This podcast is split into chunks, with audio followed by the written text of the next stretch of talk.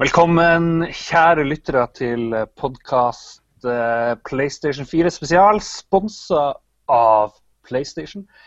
Den eneste maskinen som er lagd i Japan eh, av geishas, 100 eh, Den eneste maskinen som gir deg blå blinkende lys hvis noe som går litt galt. Den eneste maskinen som er lagd av ja, hva skal vi si, det beste, beste folket i hele verden. Or what?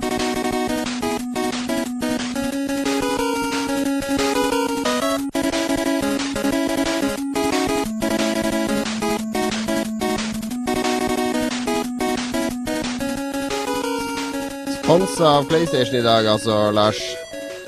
Ja, det skulle jo egentlig være sponsa. Vi tilbyr jo eh, Sony eller Nordisk Film å kjøpe hele sendinga.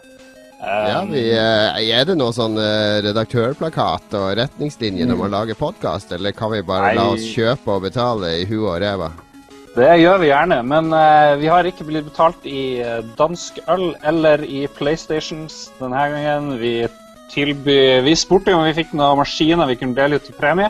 Det fins visstnok veldig få PlayStationer i Norge vi kan dele ut, så da blir det bare litt sånn ja Sponsa av at vi har en veldig, veldig celeber gjest med oss. Det har vi. Bare vent til programmet vårt er på den nye NRK-kanalen for eh, unge voksne. Da kommer de Sony til å kaste PlayStation etter oss. Men i dag så nøyer vi oss med å få kasta etter oss en av eh, jeg vil si en av de kuleste PR-folka i eh, norsk og nordisk spillbransje, nemlig Marius Steen, som er nordisk PR-sjef for PlayStation. Velkommen skal du være, Marius. Tusen takk. Tusen takk. Takk for introduksjonen. Ja, det er hyggelig å være her. Og eh, jeg må si ehm, eh, Ja, nei, vi, vi skulle gjerne gitt en PlayStation i, i premie og i gave for den saks skyld, men eh, de, ikke, de vokser ikke på trær, dessverre. I hvert fall ikke foreløpig. Vi skjønner det, vi skjønner det. Vi får nok en anledning en annen gang. Men du, er, det her er en milepæl for programmet, Lars. fordi for første gang så har vi med oss en gjest fra utlandet. Uh, det har vi. Og eh, kan vi få et bevis på at eh, vår gjest er i utlandet til alle de to som ser eh, streamen vår? Ja, altså Beviset er jo først en, en dansk øl. Ja, ut. Exhibit Der, ja. Yes. Og så Exhibit 2 må være Københavns gater. Som ser sånn ut. Oi, oi, oi.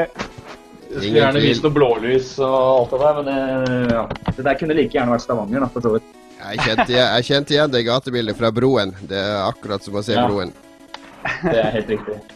Det er helt Og så er det jo en milepæl i at vi har en gjest som liksom ikke er bare kompis, og som vi kan prate drit med fullstendig. Eller det er jo målet vårt, å prate mye Jo, drit, vi men kan det. eh, vi kan det. Ja, det er bra. Altså, jeg har sett, eh, jeg har sett en bare rumpa til Marius på en, en eller annen fyllefest, så det, det er jo Om ikke kompis, så i hvert fall rompis.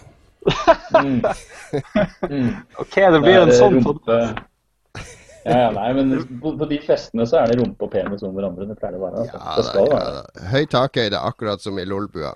Har det vært Eh, noe back- back- skal vi snakke litt mer om eh, det, Marius? Fordi du begynte Det er ikke så lenge du har jobba i Nordisk Film. Altså Nordisk Film, for de som ikke vet, det er jo de som distribuerer PlayStation i Norden.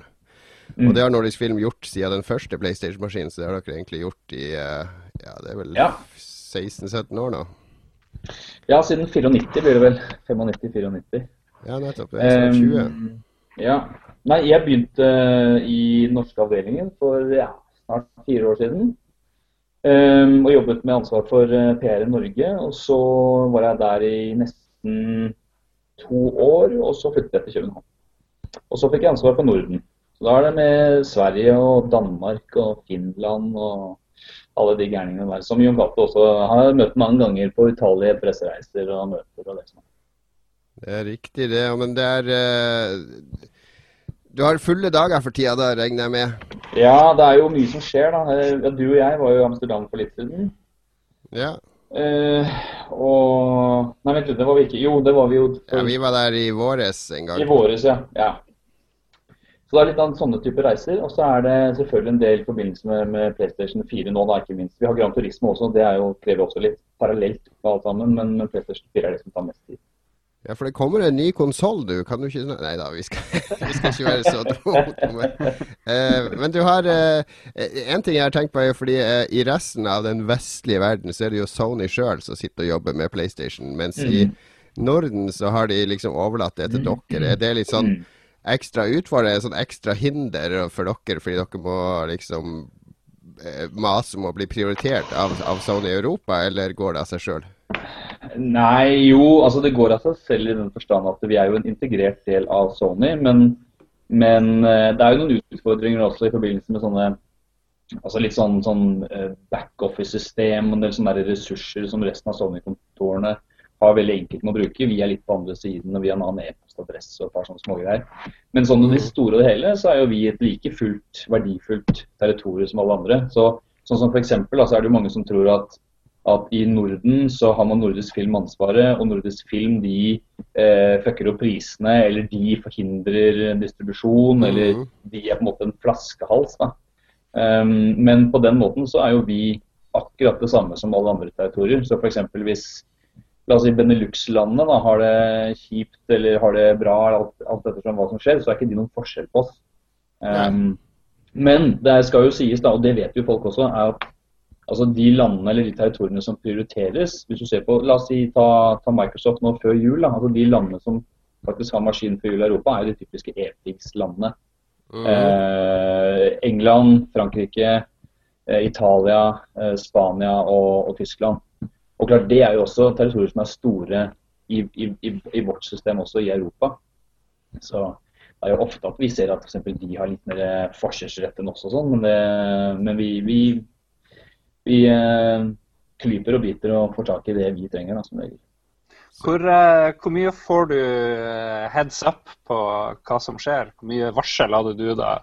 20.2 så var det jo tjo og hei mm. presentasjon i New York. Jeg tror jeg, jeg tror jeg, meldte litt med deg, og du mente at her burde man følge, følge nøye med på hva som skjedde. Visste du da som, Hvor mye visste du av hva som skulle skje da? Nei, Jeg visste at det ville være noe i New York, det visste jeg i november allerede. Men, men jeg visste ikke hvilket skjema som skulle være. Jeg visste ikke f.eks. sånn som at de viste uh, altså hvilke spill som ble vist, og hvilken del av spillene som ble vist. Det, det er sånn som er ekstremt hemmelig. Og også den derre som var nå um, uh, I forrige uke så var det dette med uh, The Livestream-showet fra New York. Det PS4 launch-greiene. Og da var det jo han, eh, hva heter han, Jeff Knightley, ikke han heter, han uh, journalisten? I uh, Spike TV, ja, det ja, ja, nettopp. Han der. Og da var det mange som spurte sånn Hei, faen, vet du noe om det, eller? Han har annonsert på Twitter at han skal gjøre et eller annet, men uh, hva skjer og sånn. Og mm. der, der, vet vi ingenting. Der vet vi f.eks. ingenting. Men det er også fordi USA styrer det selv. Uh, så, så det, er, det er liksom begrenset noen ganger. Men det kommer an på. Noen ganger så vet vi det tidlig, noen ganger så vet vi det ganske sent. Og det er litt sånn, noen ganger så er det for at Sony selv tenker at hvis vi bare dropper dette her en mail ut i systemet nå, så kan det gå til helvete. Og så er det én som begynner å skrive om det, eller forteller en kompis på en bar, og så har vi det gående. Så det er sånn, sånn, sånn det skal være. Fortelle en kompis på en bar, det er min eh, beste måte å få ut informasjon på. Men en, en, siste ting om eh, det, Marius. Mm. Jeg har hørt rykter om at uh, du en gang du satt i Oslo, så kjeder du deg, og så bestemte du deg for å gå til Bergen. Stemmer det? Ja, det stemmer faktisk. Um, jeg gikk fra Oslo til Bergen over fjellet. Alene. Hvor lang tid brukte du på det? 13 dager. det var, men hvor gikk du da? For jeg kjørte, kjørt. Jeg har, vi har hytte på Vestlandet, så jeg kjører den ruta mange ganger i året. Og det går ikke an å gå og traske gjennom de lange tunnelene og sånn. Hvordan, hvordan, la du opp ruta di, lurer jeg på? Eh, ja, nei, det, det, ble faktisk noen steder hvor jeg måtte gå rundt tunnelene. da. Fordi med en gang du kommer til, eh, til Hordaland, så begynner det å bli litt tricky. Ja, det gjør det. Men, um, men jeg gikk gjennom Nordmarka, så gikk jeg til Hønefoss, så gikk jeg derfra til Norefjell, og så over Norefjell og til Langedrag, der hvor det er ulv. Og så derfra til Geilo og opp til Haugastøl og gjennom hele Rallarveien, og så til Mjølfjell, og så ned til Voss og så over fjellene, og så ned på riksveien, og så gikk jeg veien derfra til Espeland, og så over Ulriken, og så tok jeg faktisk Fløibanen eh, ned. og så kjøpte jeg, kjøpte jeg ni cheeseburgere. ja, det er en imponerende prestasjon. Det står respekt av det. Man skulle jo tro at det her høres ut som en uh, avgjørelse som skjer i fylla, men du må ha blitt edru ganske lenge før de 13 uh, dagene har gått, egentlig. Ja, ja, ja, ja. Jo, men ja, det var kult nok, det. Altså. Men jeg må innrømme at det, sånn, etter hvert så blir man litt lei. for at du sånn, Av en eller annen grunn, da, så mens jeg holdt på, så tenkte jeg at det, så, så satt, jeg ville bare hjem og spille skate. Av alle ting i hele verden. Så ville liksom hjem og spille skate 2. Det var en eller annen sånn merkelig greie rundt det. Ja, ja, men er det en sånn ting man eh, putter på CV-en, eller er det noe som man holder godt skjult for en potensiell arbeidsgiver? Eh, det kommer an på arbeidsgiveren, tror jeg. Men nei, jeg veldig. Det er litt, det er litt eh, Ja, nei, det, jeg visste ikke at du visste det, men eh, har, jeg, har, jeg, har, mine kontakter, Marius. Ja. Bra research, Jon. Veldig bra. Ja. Takk, takk. Stjerne i margen for meg. Ja, ja, ja. Absolutt. Vi skal, uh, vi skal, prate med Marius gjennom hele sendinga, men nå skal vi gå over til en av våre faste spalter, nemlig snakke litt om hva vi har gjort i det siste. Og for deg, Marius, som kanskje ikke har hørt podkasten før, så har jo mm. veldig mye handla om Lars, som har flytta fra Alta til Harstad. Og nå har jeg vært i Harstad litt, så nå slipper vi å høre så mye om den flyttinga hans. Så har du gjort noe annet enn det i det siste? Lars? Ja, nå har det vært um, to ting jeg har gjort veldig mye har uh, spilt og sett sinnssykt mye på sjakk. Uh, det har gått veldig utover uh, dataspillinteressen. Men jeg har jo spilt sjakk på data, da. det har jeg. Og så har det gått veldig mye i å filme mye rare ting. Jeg har jo blitt sånn her sosiale medier og nett-TV-dude i tillegg til spillanmeldertilværelsen. Så jeg føler meg litt som Steven Spielberg. Jeg føler at jeg klarte å lage en spillefilm snart. Det, det skal ikke mye til.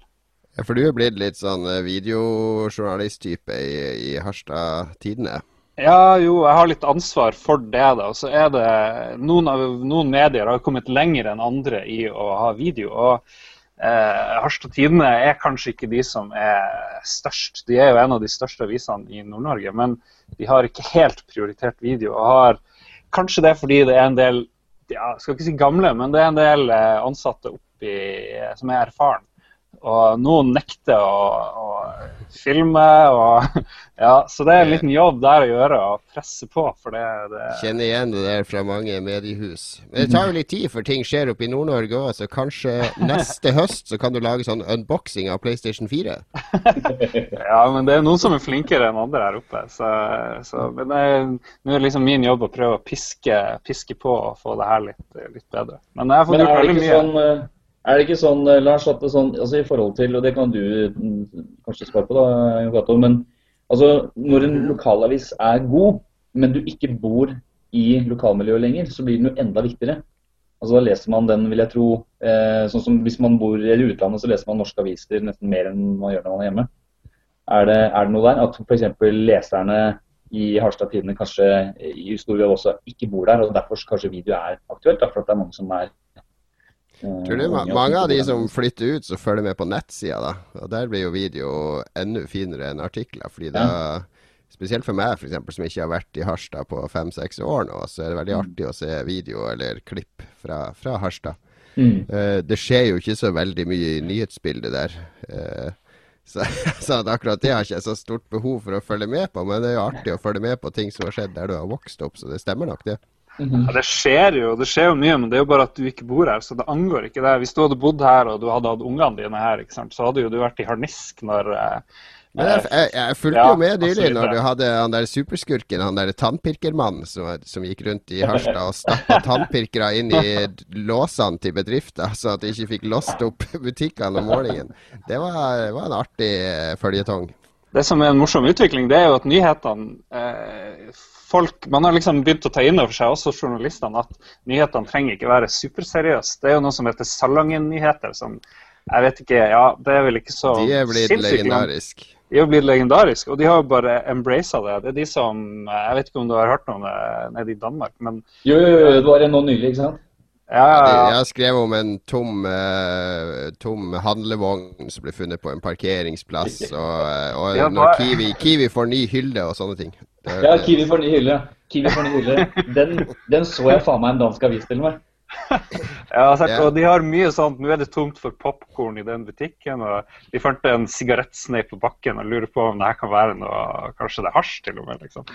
Det, folk syns det der er jæklig gøy, og det tror jeg det er mange som blir å kopiere. Jeg tror det er liksom eh, Ja, ja men det, er, det, er jo, det, ligger jo, det ligger jo overalt. Folk linker jo til det. Det er jo viralt som bare tusen. Ja. Det, det, trenger jo ikke å være bare drap og ran og uhygge. Det kan jo være andre ting òg. Ja, jeg tror jo ikke at folk er så jæklig interessert i det som skjer veldig i Oslo heller. Utafor Oslo, ikke sant. Det er jo drap og voldtekt. Og vi elsker jo å høre om hvor farlig det er å være i de store byene. Så kan vi være litt glad for at vi bor Vi prøver jo å skremme dere, holde dere unna. Så, men det eh, nytter ikke med all skremselspropaganda. Ja, du kan fleipe, men du blir ikke la ungene dine gå rundt i her og der sånn uten videre, tipper jeg, med det første. Nei, altså, jeg har gitt tolvåringen beskjed om å ha iPhone i lomma når han drar på korpstrening og sånn om kveldene oppe i mørket. Det var jo ran rett utafor her for en uke siden. Mm. Ja, ja. ja, ja. Så nei, det skjer ting, dessverre. Eh, men det skjer uh, hyggelige ting i Oslo òg, fordi uh, på fredag, var det vel, så eh, dro jeg opp og besøkte Mario sine kollegaer i Nordisk Film. Da var det morgenkaffe der oppe. Så kommer jeg inn, og da sitter jo kremen av norske spilljournalister og koser seg med litt frokost. Eller som det heter der Marius bor, morgenmat. Mm. Og, eh, og, kaffe. Med, morgen, med morgenbrød. morgenmat med morgenbrød, ja. Det, jeg så ikke så nøye etter, men jeg regna med det var et par morgenbrød der, for det sto jo åtte PlayStation 4-konsoller i enden av bordet. Eh, så da var det var en hyggelig brief med, med Nils og, og, Kim som var der inne. Og så skulle vi jo få med oss disse maskinene, da. Og da, alle de andre hadde jo dratt opp med T-bane. Og de torde ikke gå Det var ikke noe bæreposer å ha de og sånn, så de torde ikke gå og sette seg på en T-bane i volds- og rans-Oslo med en PlayStation 4 under armen. Så da endte vi opp med å fylle opp i, eh, i bilen min med fem PlayStation 4-maskiner, og da kjørte jeg jo rundt til VG og Dagbladet og eh, gamer.no og avleverte. Og nå har jeg sittet og fulgt med på alle de mediene. Venter på en liten sånn takk i, i artiklene deres om PlayStation 4, for det er hyggelig at jeg kjørte de uh, hjem med, med maskiner. Jeg har ikke vært nevnt med et ord ennå. Ja, hyggelig, hyggelig, gjort, da. Men det hadde vært eksperiment å teste og så prøve å kjøre fra Nydalen gjennom senteret mot til Ellingsrud. Den tar jeg bare ta i sted, da. Men uh, opp til Ellingsrud på T-banen, og så se hva som skjer. Ja, det hadde vel eh, Jeg husker jo når PSP òg kom. Da, da, var det sånn at vi, vi torde ikke å ta den fram på T-banen og sånn, for den var jo også superattraktiv da den kom, mm. husker jeg. Så jeg blir jo litt uh, smånervøs for å vise frem for mye. Det er nå du kan si liksom, med litt sånn smil at eh, Men, eh, men Vitan er det ingen som rører. ja, Enn så lenge, i hvert fall. Ja, Det var litt annerledes med Engage fra Nokia. Da begynte folk bare å le når du dro den frem. Og I hvert fall skulle snakke i den. Det talende tacoskjell. Marius, da, hva har du gjort nede i Danmark den siste uka, bortsett fra å jobbe ræva av deg med PlayStation 4? Ja, jeg har jo prøvd den, da. Vi har jo fått den inn på jobben, så jeg har sittet og klunket litt og prøvd å Vi hadde først en debug stående, så jeg måtte vi styre litt med den og teste litt og greier og greier. Og det, det, som er utfordrende, og det ser man jo hvis man leser Jarle sin artikkel fra Pressfire i dag, er at det er litt sånn knot. da. Eh, det kan mm. være det i hvert fall, hvis, eh, hvis, man setter opp ting og på en måte infrastrukturen ikke er i orden og rundt det. Så vi har holdt på med det, men vi har jo fått spilt en del spill. Så jeg har spilt Killzone, og så har jeg spilt uh, Ghost og ja, det er vel egentlig det jeg har spilt på PlayStation 4. Og så har vi Fifa stående fast, og så har jeg spilt Battlefield 4. Og så er jeg veldig enig om det du sa på VG om hvor kjedelig det er. Eh, og så har jeg spilt Jeg sitter fortsatt med Beyond. Jeg er ikke ferdig med det ennå. Det er liksom en det er liksom en bok som liksom ligger der, som du leste på flyet, liksom. Også, men bare at jeg... Har du prøvd det i toplayer ennå? For Lars fikk jo litt sånn uh, åpenbaring når han spilte det sammen med, med Ja, det blir mye morsommere. Ja, det blir mye kulere når uh, du har noen ved siden av som kan være enten at du er det der spøkelset, eller at du er jo uh, dama. Så da, men, da blir det plutselig en sånn for Man blir fort plutselig uenig om hva den andre gjør. ikke sant? I hvert fall det der spøkelset, for dama mi ble litt psykopat. og og gikk litt sånn ekstra hardt til verk, syns jeg. Det, det, så da, da, måtte man diskutere det her. og ja, det ble, en, Man ble mer liksom, interessert i det. For du kan styre, styre, med en iPad eller en iPhone, tror jeg du kan koble til, ja, og så styre den ene med den. Ja. Du kan faktisk spille hele spillet med telefon. Ja, jeg hørte det. Og det var David, David, David Cage en liksom klare greie at, at uh, jenter kommer til å elske spillet, men de kommer til å sette pris på en alternativ sånn gjen, gjenkjennbar eh, kontrolloppsett, eh, og det er telefon. Mm. Det var liksom tanken. da.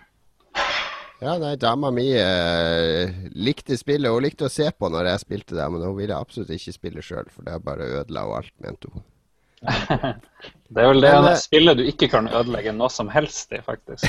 ja, det er, det er, litt vanskelig å fucke opp. Men, men det, det, er sant det du sier med PS4, og det er at det blir for jeg kobla den jo opp når jeg kom hjem på fredag, og det er jo som å få en, en eh, Ferrari og ikke ha veier å kjøre på, når ikke mm. der uh, online-greia er oppe og du ikke har tilgang til butikken. Og, uh, vi har jo mm. heller ikke fått Vi får spill i morgen tidlig, så jeg har heller ikke hatt spill å spille på den. Så det er sånt å sett uh, det eneste jeg har gjort på PlayStation 4, det er jeg har sett tre episoder av Fleksnes og ei helga på DVD.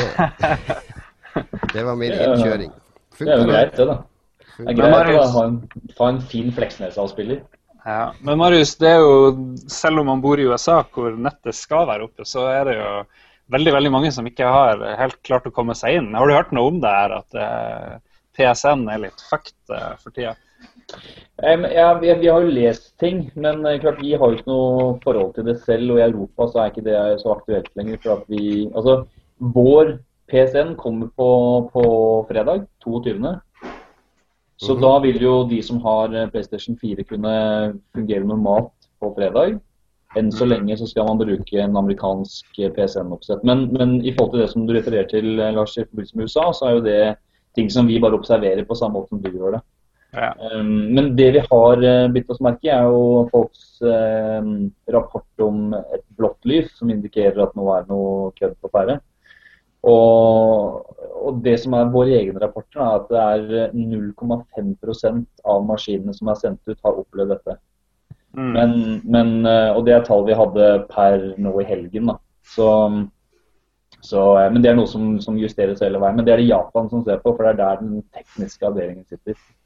Ja. Så, så, men klart, altså folk reagerer jo fordi at du skal liksom bare én maskin til og én ivrig bruker til, med det problemet, så har vi, så har vi det gående. Da. Så, ja, ja, det, det, har vært noen folk som har eh, tweeta eh, hvordan de driver hvert eneste sekund hva de gjør for å få det til å funke. Men det siste jeg leste der, var at uh, alle må sjekke sin PS4 når de får den, og se inn i HDMI-luka og se om det er noe som feil med metallet. og så prøve få det ordentlig. For hvis du da stapper HDMI-kabelen inn der uten å sjekke det, så kan du liksom ødelegge hele greia. Men eh, om det stemmer eller ikke, det, det får jo folk sjekke sjøl.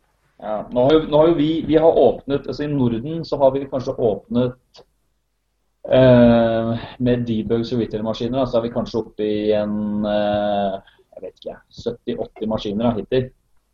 I forbindelse med events og i forbindelse med de vi skal gi bort til presse hittil osv. osv. Og av de så har vi ikke hatt noen problemer i det hele tatt. Eh, det eneste problemet vi har hatt, og det skulle nesten bare mangle, det er hvis vi, vi hadde vi hadde jo eventer, vi hadde jo Spillekspo i Norge, selvfølgelig. Um, mm. som, uh, hvor vi så hverandre sist vi hadde. Og så, ha, så, hadde vi helgen før så hadde vi to store, ett i Finland og ett i, i Stockholm. Uh, henholdsvis Digexpo og GameX. Og jeg tror på Digexpo så hadde vi satt opp maskinene, en maskin som sto veldig låst inni et sånn veldig tett kabinett.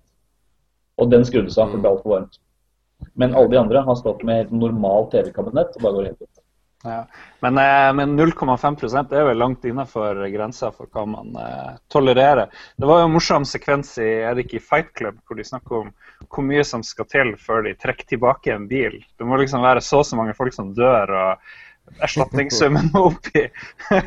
det, liksom, det, skal veldig mye til før man gjør noe drastisk. Og, eh, ja. Ja. Nei, men det er, altså, det er jo også første generasjon med ny hardware, så det er jo klart at det vil være en liten feilprosent. Og hvis du ser, mm. tenk, tenk, tilbake på hvor mange av de, de Xbox 360-ene som ble solgt ved lansering, hvor mange av de funker i dag, er kanskje null prosent, Det er ingen Min, av de. min funka hele tida, faktisk. Det, Ja, min ja, funka i fem år før jeg fikk uh, Red Ring på den. Og, og Sammen med de aller aller første PlayStation 3-maskinene. Altså, mange av de virka i to, tre, fire år, men det, når det er første generasjon, så er jo alt nytt. Og relativt uprøvd, og så blir det erstatta av mer stabile komponenter etter hvert. Men eh, det er jo Det blir jo alltid sånn hysteri når det lanseres, at folk blir hysteriske hvis én kar har problemer med sin maskin, og kanskje han mista den i gulvet på vei hjem fra butikken, og alt mulig sånn som han ikke har skrevet om på den der Reddit-tråden. Så, så jeg, jeg tror ikke at det er noe problem at det er mye feil på de maskinene, altså. Det, spesielt siden innmaten ikke er så eksperimentell som den har vært før heller. Så Nei, den er jo mye er mer stabil og, og velprøvd enn det har vært tidligere. Ja. Men Jon, vi skal jo ikke, vi skal jo ikke være altfor blasert. Hvis jeg eller du hadde fått en eh, PS4, eller uansett maskin, hadde jo blitt kokforbanna hvis eh, den ikke funka. Vi skal jo være så det, ærlige. det hadde jeg jo blitt med ethvert produkt jeg hadde fått som ikke funka, men uh, ja. Jeg, jeg vil jo ikke tro at det er sånn 5 eller 10% som noen av de hylekoret på nettet skal gi deg inntrykk av at det er. Mm. Nei da. Nei da. Vi får se. Eh, Ja, vi får se. Samtidig så er det jo heldigvis sånn at hvis du, altså hvis du går og kjøper maskinen i butikken, så, og den ikke fungerer, så er det jo måter å kunne fikse det på. Så, men, det, men altså, irritasjonsmøtene er der. I verste fall så har du fått den i gave på julaften, og så sitter du der, og så må du sånn vente et par dager før butikken åpner. Sånn. Det er sånn typisk sånn derre PC 486-problem jeg hadde da jeg var liten, sånn eh, med lydkortproblemer og greier. Ja. Vet du hva, Jon, eh, som uh, Marius ikke har hørt? Nei? Den awesome eh, jinglen vår uh, i nyhetsspalten. Ja, for den kommer jo faktisk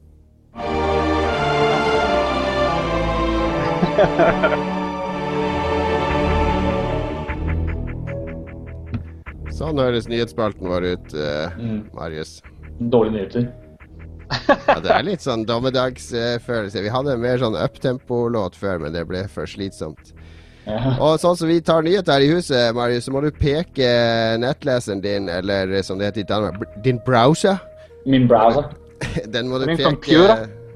Den må du peke mot uh, nettsida pressfire.no.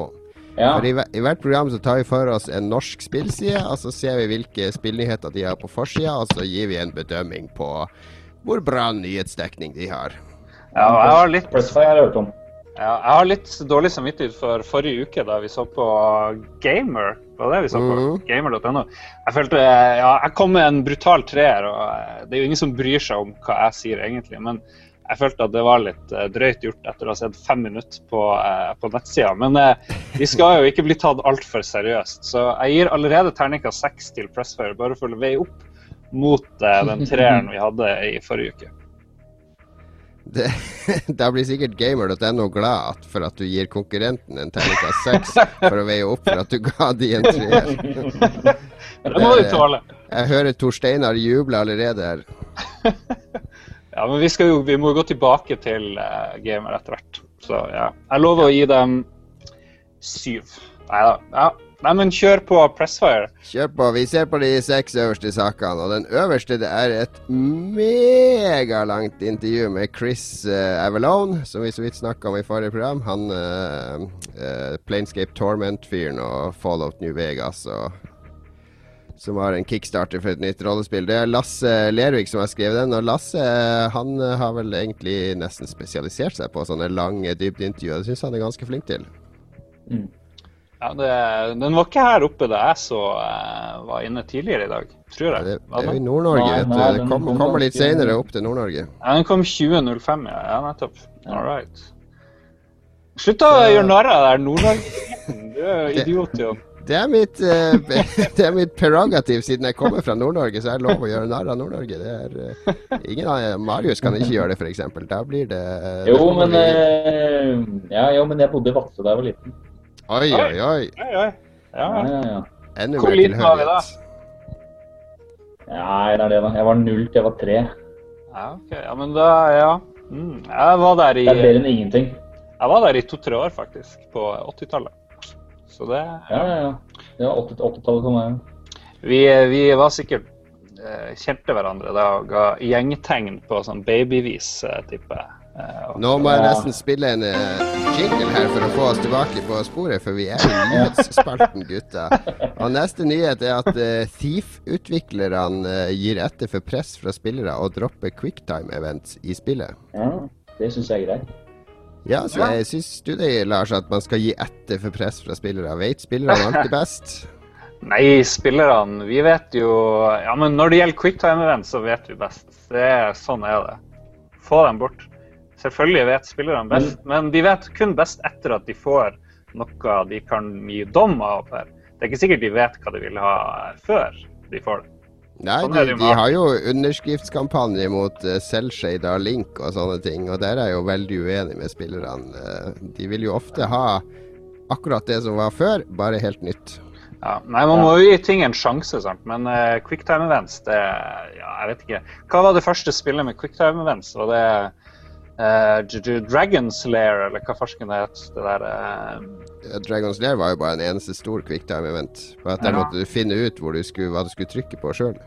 Ja. Så uh, Det var jo på 80-tallet en gang, så uh, vi har liksom levd lenge med det. Og nå er det Det begynner å bli nok. Men uh, ja. ja. I Men Mar Marius, Marius har jo kongeserien med quicktime-events, nemlig God of War. Den Ja, var den som forhøya quicktime-events til en ny dimensjon. Ja. Jo, men, men eh, jeg, nå har jeg ikke lest denne saken. her. Jeg, jeg var så på den før i dag, for jeg var inne på Pressfire tidligere i dag. Og, eh, og er jo interessert i FIF. Eller i hvert fall spilte den ganske mye da det var på PC for lenge siden. Mm. Men, men, eh, men det jeg ikke har lest Jeg har ikke lest saken nøye nok for å vite om det faktisk er at de ga etter for press, eller om det bare var en slags sånn langvarig, konstruktiv dialog hvor selv spillutvikleren egentlig var enig med seg selv fra starten og følte at quicktime events ikke hørte hjemme. Fordi Ser man på God of War, ser man på Jeg tror også det har vært snakk litt om Rise, som kommer neste år. Eh, Mhm. Nei, som det, kommer det neste år, eller kommer det faktisk Det kommer, det kommer i år, men ikke her oppe i Norden. Ja, ja. Men eh, at quicktime events det er vi litt ferdig med. I hvert fall det som har vært litt trenden på en. Så det kan jo hende at det er summen av flere ting her som kommer sammen. Det er nok, Um, er nok sannsynligvis det. Det har sikkert vært en intern diskusjon om det òg, så kan de jo nå henge avgjørelsen på spillerne, sånn at de føler at de har masse makt, tipper jeg. da. ja, og så kan det jo også være en fin overskrift. Gutta Pressby har stringa opp for å lage en ekstra interessant artikkel. Ja, men, ja. Hvis en utvikler vil ha noe, så har de det jo med. Ja. Det, det er nok for å få litt goodwill, vil jeg tro. Jeg tenker det. Tredje nyhet. Nå er Fallout 4-navnet i boks. Når får vi se spillet for første gang? Hva det betyr at navnet er i boks? Hva, skulle det hete noe annet? Skulle det hete Eh, Fallout? De har sikra seg navnerettighetene for Fallout 4. Det Åh. gjorde de 14.11. Og så er det noen rykter om Chicago. Og så har jeg en eh, dansk eh, journalist som reiser veldig mye på Facebook, som posta et sånt bilde fra hotellrommet sitt i Chicago tidligere i dag. Så jeg vil jo kanskje tro jeg han eh, Nikolai Nicolas Estrup. Pixel-TV. Mm. Så jeg vil jo kanskje tro at det er en, en eller annen synergi nå mellom denne saken, Mm. disse ryktene, og at han er i Chicago. Mm. Hvis jeg skal tippe helt vilt og Mm. bruke fantasi. Ja, fordi hvis han skulle vært i Chicago for noe annet, ville det vært Watchdogs i så fall. Um, Ja, det kan og, være, men- Og, og, og, ja, og, og sånn, også sånn ryktebørsmessig, da, så vet jeg at de gutta blir sendt veldig ofte på Assassin's Creed-ting, også av Ubisoft. Så det ja. kan jo hende. Det kan det jo være. Men, Men det- Men det var jo eh, et uh, Amiga-spill jeg reiste til Chicago for å se. Husker du hva det het, Lars? Jeg bare er så opptenkt i måten du uttaler Chicago. Jeg datt helt ut her. Det heter ikke Chicago, det heter Chicago. Det er ikke sånn her. Shikaka. Shishkebab! det- det. Hva du spurte om igjen? Nei, det var Nei, vi spurte jo Vi går Vi lar, vi lar Det er Ace Ventura. Du, ja. Yes, yes. Vi, lar, vi skal ha en Ace Ventura spesial en annen gang. Vi må Det er jo verdens beste film. Det er jo Ace Ventura 1 og til tider 2. Absolutt. 2 er best. Så kommer det en herre Her har Marius nå å svare for. Rapporter om Blue Light of Death, eller Blod som det blir på norsk. Uheldige Ja. PS4-eiere har pakket opp en død konsoll. det, det hørtes utrolig makabert ut. da. At den ligger med en kniv gjennom seg oppi pakken der. Uh, bla, bla, bla. Ja, det er- vi har jo det snakket om bare- Ja, vi har snakka om det allerede. Vi trenger ikke å piske den døde hesten. Eller den døde konsollen lenger. ja. Jeg vet ikke om du vil ha noe mer ingen latter fra Danmark. Ja. Danske latteren uteble. Nei, det står om den HDMI-løsninga som Marius snakka om. Forsvant han jo? Han ble veldig stille her. Ja, jeg tror han bare logga av. Han ble så eh, utrolig sur. Vi, er, vi må bare gi han noen minutter. Men vi kan jo bare bable videre, vi. Ja da, vi babler videre. Vi får gå videre til neste sak. Den er jo en gladsak. Nemlig vi har fått PlayStation 4. Yeah. Ja. De fikk ikke gjort så veldig mye, virka det som. Akkurat som du. Men de har fått sånn her eh, De kjøpte Det er jo sikkert noen som har importert fra utlandet til Norge, tror du ikke det? Som må Ja da, det er få gar garantert. Men det er, som sagt, det er ingenting å gjøre i Norge hvis du logger på med din norske konto og sånn, fordi det er ingenting som er åpent ennå. Du kan se en video om, eh, om det kameraet, og that's it. ja. Den ligger visst integrert i systemet.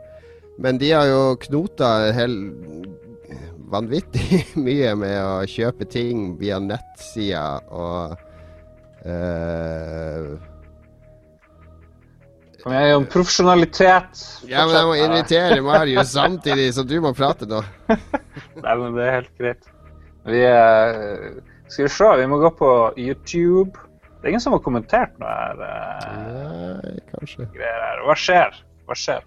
Sånn. Ja, men de, de, måtte jo, de måtte jo kjøpe spill. Først må de skaffe amerikanske dollar, og så kunne de ikke kjøpe spill direkte på konsollen av en eller annen grunn, så de måtte kjøpe det på Sony sin nettside, og så velge på nettsida og laste det ned på konsollen. Og så tok det jo helt sinnssykt lang tid å laste ned de spillene. Og jeg var jo inne på tanken å henge meg på USA-login sjøl, men jeg ga jo opp når jeg leste den artikkelen. Jeg kan vente. Nå får jeg spill i morgen, Ja. og så sier jo Marius at de åpner nettet på, på fredag, så det holder for min del. Det, jo det. Nei, jeg har jo ikke fått maskin. Jeg tror ikke jeg får noe heller fra, eh, fra nordisk film. Jeg har eh, fått en veldig hyggelig, men eh, utrolig sur mail fra Er det Nils han heter? Han der Det er, det er eh, Nils svensken. som uh, han, han har fått my mye tiggemail i det siste, kan jeg love deg. Sviker-Nils. Sviker-Nils. Jo, men det er Jeg tror det er første gang jeg ikke har fått noen maskin til noe som helst uh, launch i hele verden, tror Så, jeg. som jeg forsto det, så hadde de vel bare åtte maskiner å gi bort nå. Ja, skal vi se. Hvem er det som har fått? Du har fått, Vega har fått. Pressfire og Gamer og NRK er de jeg kjenner til. NRK. De trenger ikke maskin. De er jo eh, noe, har De betaler jo lisens til de, så de burde jo kunne kjøpe en maskin sjøl for de lisenspengene mine. Ja, jeg syns òg det. Absolutt. Ja vel. Hvor er dansken? Driver han og nekter Jeg har uh, invitert han uh, på nytt. Vi får se om han dukker opp. Han har sikkert Han noe danske nettproblem. Jeg tror han stakk til tivoli. Fant vi ut hvor han bodde? Så du noe? Jeg så liksom ikke det han prøvde å vise oss. Kanskje han er i Bor nok downtown Køben. Han tar seg en Is- Istigere. Han har fått cookie-computeren. ja, Han har er tror Skal vi se. Kan gå til siste nyhetssak fra Pressfire. Det er solgte 1 million PS4-enheter på 24 timer, så det er en gladnyhet om PlayStation igjen. Ja, det er jo Jeg vet ikke, er du overraska over det? Jeg er ikke overraska. Jeg tenkte Oi, 1 million. Det er jo jeg er overraska over at de hadde så mange tilgjengelig, ikke sant. Fordi de, du selger jo Etterspørselen var jo enorm, så det er jo ikke noe overraskende at de selger ut etterspørsel, eller det de klarer å produsere. Ja, ja, ja. Nei, jeg vet ikke. En eller annen suring sa, ja, de solgte 9 millioner iPhone 5S. ja, men det var akkurat det jeg tenkte. Det er, ja eh, Jeg vet ikke hvordan er forholdet mellom eh, Sonys spilldivisjon og Apple. Jeg tror den er vanvittig gigantisk. Jeg tror det går ikke an å sammenligne det engang, faktisk. Hvis du ser på hvor mye de tjener på de her eh, milliardene med iPader de selger og alt det der. Det, Ja, det er nok litt forskjell der. ja vel. Men nei, vi må oppsummere Pressfire. Uh, det drar jo opp at de har sånn Filippin-annonse. Det er sikkert ikke noe de har jobba for, men uh, ja. Word up. Filippinene. Ja, situasjonen er desperat. Du må skru av adblockeren din. Nei, jeg har, jeg, har, jeg har ikke på noe Jeg har ikke noe adblocker. Jeg har sånn oppredd høyrentekonto i Santander Consumer Bank. Det er for ok, Men det betyr vel at jeg er snillere enn deg, for da får du sånn kapitalistisk kjip Ja, høyrentekonto og eh, greier. Her er vi screena, og så får vi annonser som passer for oss. Ja, ja. Nei, jeg syns det var en fin eh, Det var mye PlayStation-nyheter, men det skal det være nå, selvfølgelig. Og så var det en fin bredde. Jeg liker at de kjører de her eh, dybdeintervjuene og de Saker de lager sjøl, ikke sant, Lars? Det snakka vi jo så vidt om sist. ja. Saker du produserer sjøl, ikke bare hente sitater fra Eurogamer og Kotaku og IGN, og så setter du sammen eh, den samme saken. eh, baker den samme kaka på nytt. ja. Ja. Uh, ja, så har de, de har litt rykter. De har inntrykk av PlayStation 4. De har rapporter om PlayStation 4 og dybdeintervju. Gir de en femmer, jeg. Står ved min sekser, spesielt siden jeg tror det kanskje er Battle Chess eh, i, fra Jeg vet ikke om det er Amiga-versjonen eller om det er PC-versjonen. eller hva det er, men hvis vi går litt ned på sida, så ser det ut som eh, de har det. Fra taskenspillere utkledd som roboter til voldsomme slagsmål. Det handler om eh, sjakk-dataspill. Det er han Jørgen Kirksæter som har skrevet den. Han er fremtidig gjest, bare så du vet. Ja, OK.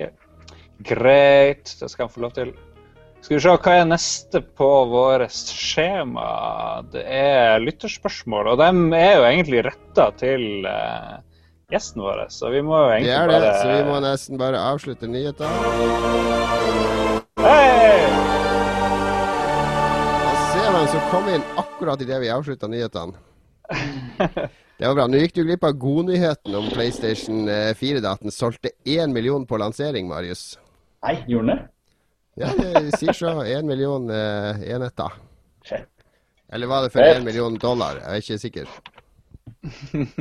Ja Én million kanadiske dollar.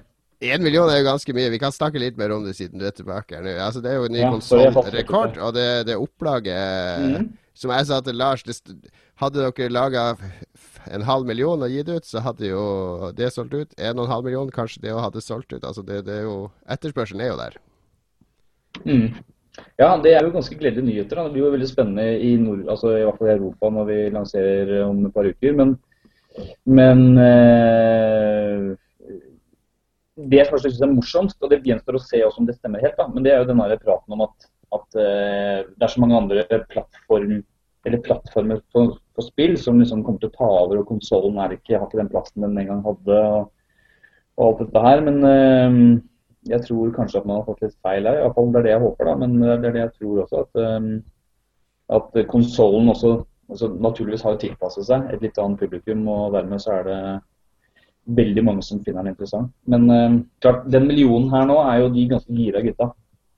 Det er jo det. altså Det var jo samme med VU også. Den solgte jo over tre millioner første måned. Men uh, siden Mm. har den jo knapt solgt nå, så det er jo først om et Ja. halvt år, hvis salget fortsatt uh, står i taket og, Ja. og maskinene flyr ut av butikkhullen, så tror jeg vi kan legge den der uh, Ikke myte, men den der teorien om at konsoller er på vei ut. Da kan vi begynne å legge den litt død.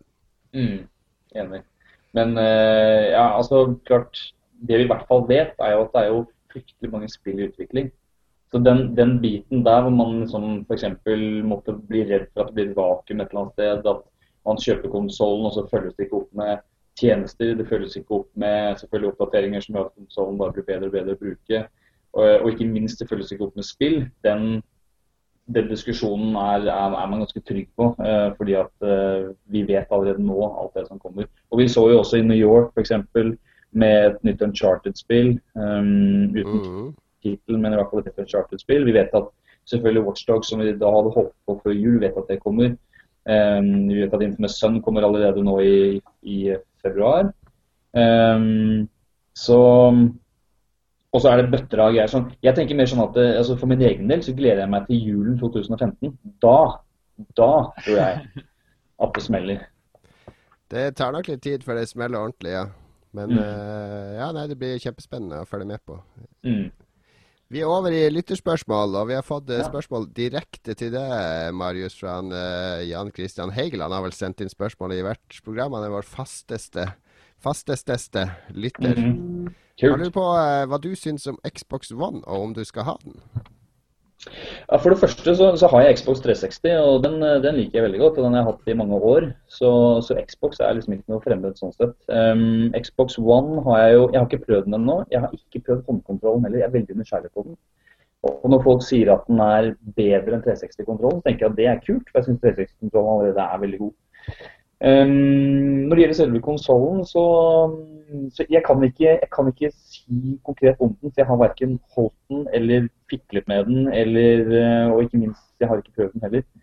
Så, så det blir vanskelig for meg å si uh, konkret uh, hva jeg syns om den ennå. Men om jeg skal ha den eller ikke, jeg, jeg, håper i hvert fall at jeg får testet den skikkelig, og så kan jeg vurdere det senere. Men uh, i utgangspunktet så er jeg bare, som alle andre, naturligvis spent på den maskinen. Og så er jeg veldig spent på også hvordan den lever opp til forventningene her hjemme. For det er jo naturligvis at den, den går jo for å være et underholdningssenter. Da håper jeg at den, at den er det på et lokalt nivå også. Føler du at du er forplikta til å få kjøpt den til å sjekke hva konkurrentene holder på med? Vi, vi, kommer garantert til å ha den på kontoret. Garantert. Vi har Nintendo, vi har Xbox, og vi har det som er liksom, så det er, eh, det er naturlig at vi, at vi, tar det inn for å teste det. Og det, mm, Sånn skal det bare være. Og det er klart, det kommer til å være en god konsoll. Jeg, jeg, jeg, er ikke i tvil om at det kommer til å være noe dårlig kjøp for de som velger å kjøpe Xbox.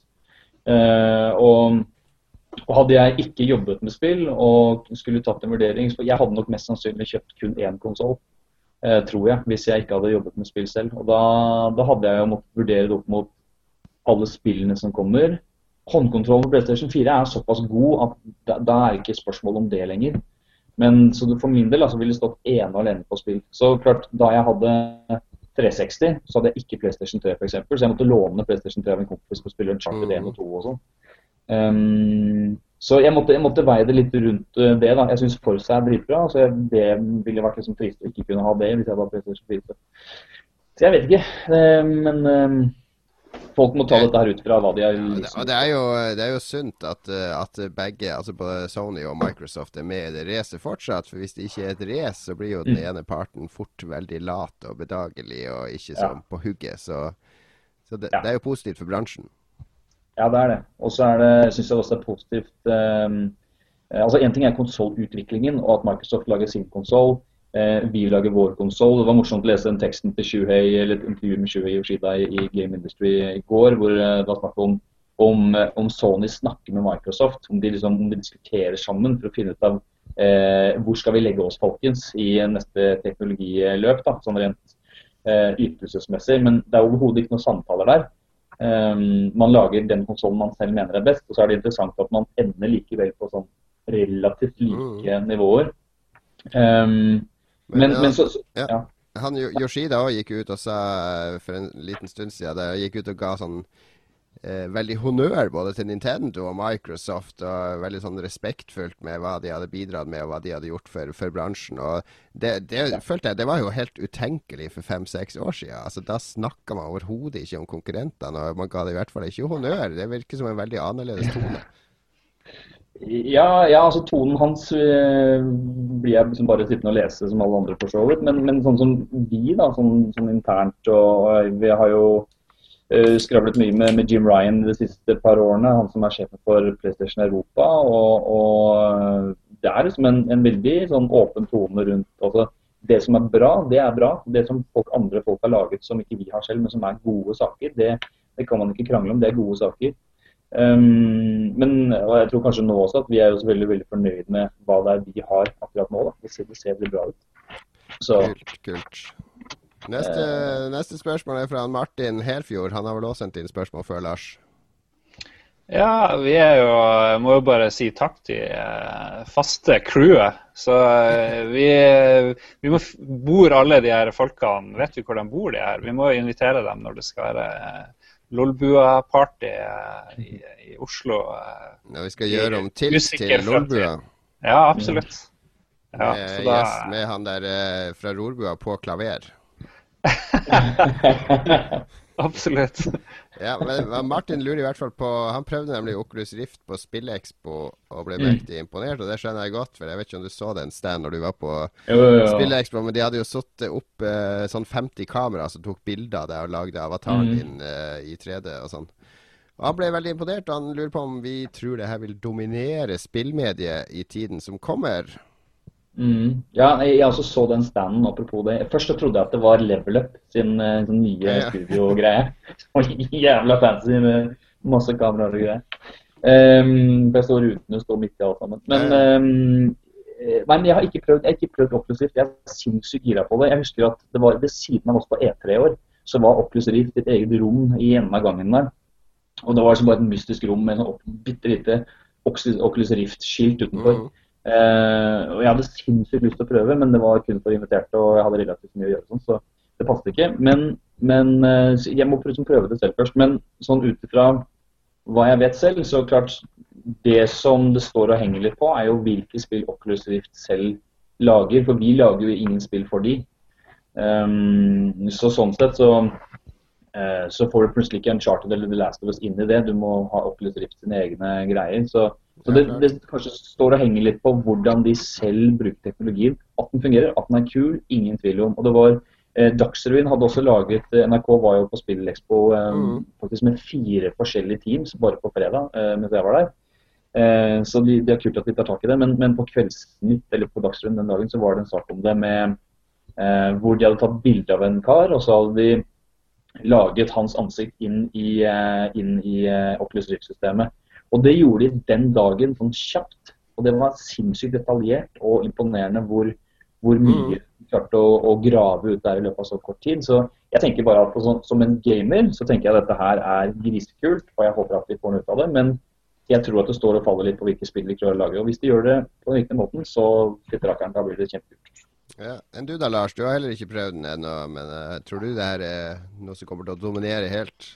Uh, jeg trodde jo kanskje at Sony kom til å uh, gjøre en greie av å tilpasse, eller i hvert fall si at Oculus Rift kom til å passe, at de var liksom en partner i, i greia. Men uh, det har vel kommet frem noen egne greier på gang, tror jeg. Ja, det, så kom det jo frem at det var noen egne greier òg. Så da, da, har de vel funnet ut at det her er, det er for viktig til å, å liksom la Oculus Rift kjøre det løpet sjøl og ta alle inntektene av noe som kan bli veldig stort. Så, um, og det var vel sånn at Oculus Rift ikke hadde så veldig lyst til å selge seg sjøl til noen. jeg vet ikke. Det er mulig at Sony eller noen andre har prøvd å kjøpe de opp, men uh, det virker som om de ville gjøre sin greie. Så gjør Sony sin egen greie, og det er jo helt OK. Nei, jeg har ikke prøvd det, så jeg aner ikke. Jeg bare frykter at uh, jeg, blir jo bare sliten av å se en 3D-film på kino, så jeg er en av de som liksom uh, ikke ser så veldig frem til det der. Jeg vil ha en mikrochip i nakken. Det, det, det, jeg vil dit frem. Jeg er veldig enig med det du sier der på slutten. For jeg tror alt som gjør at jeg ikke bare kan sitte i sofaen og se på en skjerm og trykke på en knapp, eller sitte på T-banen og se på en skjerm og trykke på en skjerm Alt som er mer avansert enn det, det tror jeg blir en nisje uansett. Jeg tror ikke det blir noe som alle kommer til å omfavne, og alt skal inn i det her systemet. Det å komme sliten hjem fra jobb og skal koble av i en time med litt Call of Duty, så er det mye mer behagelig å sitte på sofaen og se rett fram og lene deg tilbake og beina opp på bordet, enn å drive og mm. montere på deg en hjelm og kalibrere de her øynene og ja. drive og snurre rundt med hode og kropp og Ja, og vi har jo blitt brent litt på det her Kinect-greia alle de her liksom sånn supermoderne tingene som krever mye mer enn bare å sitte i ro og holde noen knapper i hendene. Det, det, er en mer krevende opplevelse, men det er en veldig sterk opplevelse. altså sånn Spill som, som Myst og, og, og The, The, Witness som kommer på PS4 og sånne type mm. spill ville vært eh, mye mer innlevelse i om du spilte det i en sånn Oculus Rift-verden. Mm. Men, eh, men, sånn generelt så, så tror jeg det blir en nisje. Det er akkurat som at du drar fram pedalsettet og rattet for å spille Gran Turismo, men du gjør det kanskje ikke nødvendigvis for uh, Need for Speed og alle mulige andre bilspill der du heller bare vil holde klampen i bånn og, og krasje og svinge litt. Ja. Mm. ja. Vi har et par spørsmål til der som faktisk er kobla til hverandre. Tore Nilsen, vår gode venn, spør når blir det X-Pilot spesial? Når blir det, Jon? Det blir når Tore Nilsen blir gjest. Og Det neste spørsmålet er fra Øyvind Eliassen, som spør når blir Tore gjest i Lolbua? Ja, Det håper vi blir veldig veldig snart. Eh, Tore er vår hellige gral innen gjester. Han, uh, han er vår uh, Carl Pilkington og Madonna i en og samme person. Så det er det wow. kuleste gjesten du kan ha i et talkshow. Så vi jobber hardt med å få Tore inn. Vi jobber, snakker med agenten hans hver uke. Det kommer til å bli The Fox-tilstander på Lolbua når vi får koret på plass. Det, det blir nok det. Vi er kommet fram til, uh, til, pausen, der Lars bruker å rive av seg hodetelefonene og løpe ut på do. Jeg vet ikke om det skjer i dag? Jeg er faktisk så rolig i pungen akkurat nå at kanskje jeg går og henter en øl før jeg går på do. Uh, ja. Og kanskje sløyfe den. Jeg vet ikke. Jeg fikk kritikk i etter forrige greie at det så ut som jeg at jeg ble anklaget for å være alkoholiker fordi jeg sprang så fort eh, på do. Ja. Vi skal i hvert fall spille en sang som varer i fem minutter, så man får anledning til å hente litt drikk, eller gå på do eller puste litt ut. Og så eh, kommer vi inn i siste halvdel av programmet, Marius. Da må mm. dere slå av, eh, eller mute mikrofonene deres, så det ikke blir masse støy under spillinga. Og vi har tatt fram, eh, selvfølgelig siden vi har en gjest fra, fra, PlayStation Nordisk Film, så har vi tatt fram en gammel slager som mange nok kjenner igjen. Det er fra det første Wipeout-spillet, der Psygnosis-musikeren Cold Storage lagde en god del sanger. Her er det nok mange som kommer til å mimre tilbake til uh, når de suste rundt på banene. Og det var vel egentlig det spillet som definerte sammen med Ridge Racer den, den nye generasjonen med spill. Så vi hører på Cold Storage og Messi.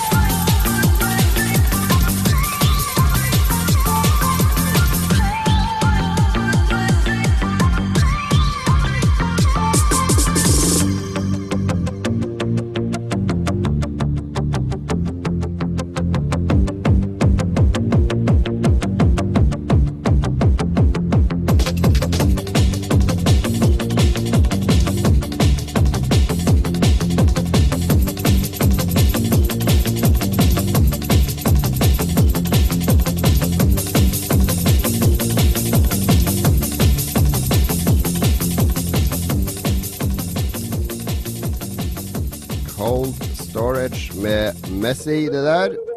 Det var uh, ufattelig awesome. Det er ve veldig kule låter. Alle de, Hvis du går på nettsida coldstorage.co.uk, tror jeg det er. Nei, coldstorage.org.uk, så kan du faktisk laste ned alle Han som har laga de, har lagt ut alle gratis der. Så du kan laste ned hele, alle Wipeout-låtene hans. Wow. Nei, det var flashback de luxe. Jeg har ikke hørt de der greiene der på lenge. Marius må slå på avmute mikrofonen sin. Ja, ja, ja. Jo, det var bra også. Eh, hvordan var det der igjen? For Jeg husker jeg hadde den plata, den der Wipeout-plata. Fulgte den med spillet, eller kjøpte du den separat?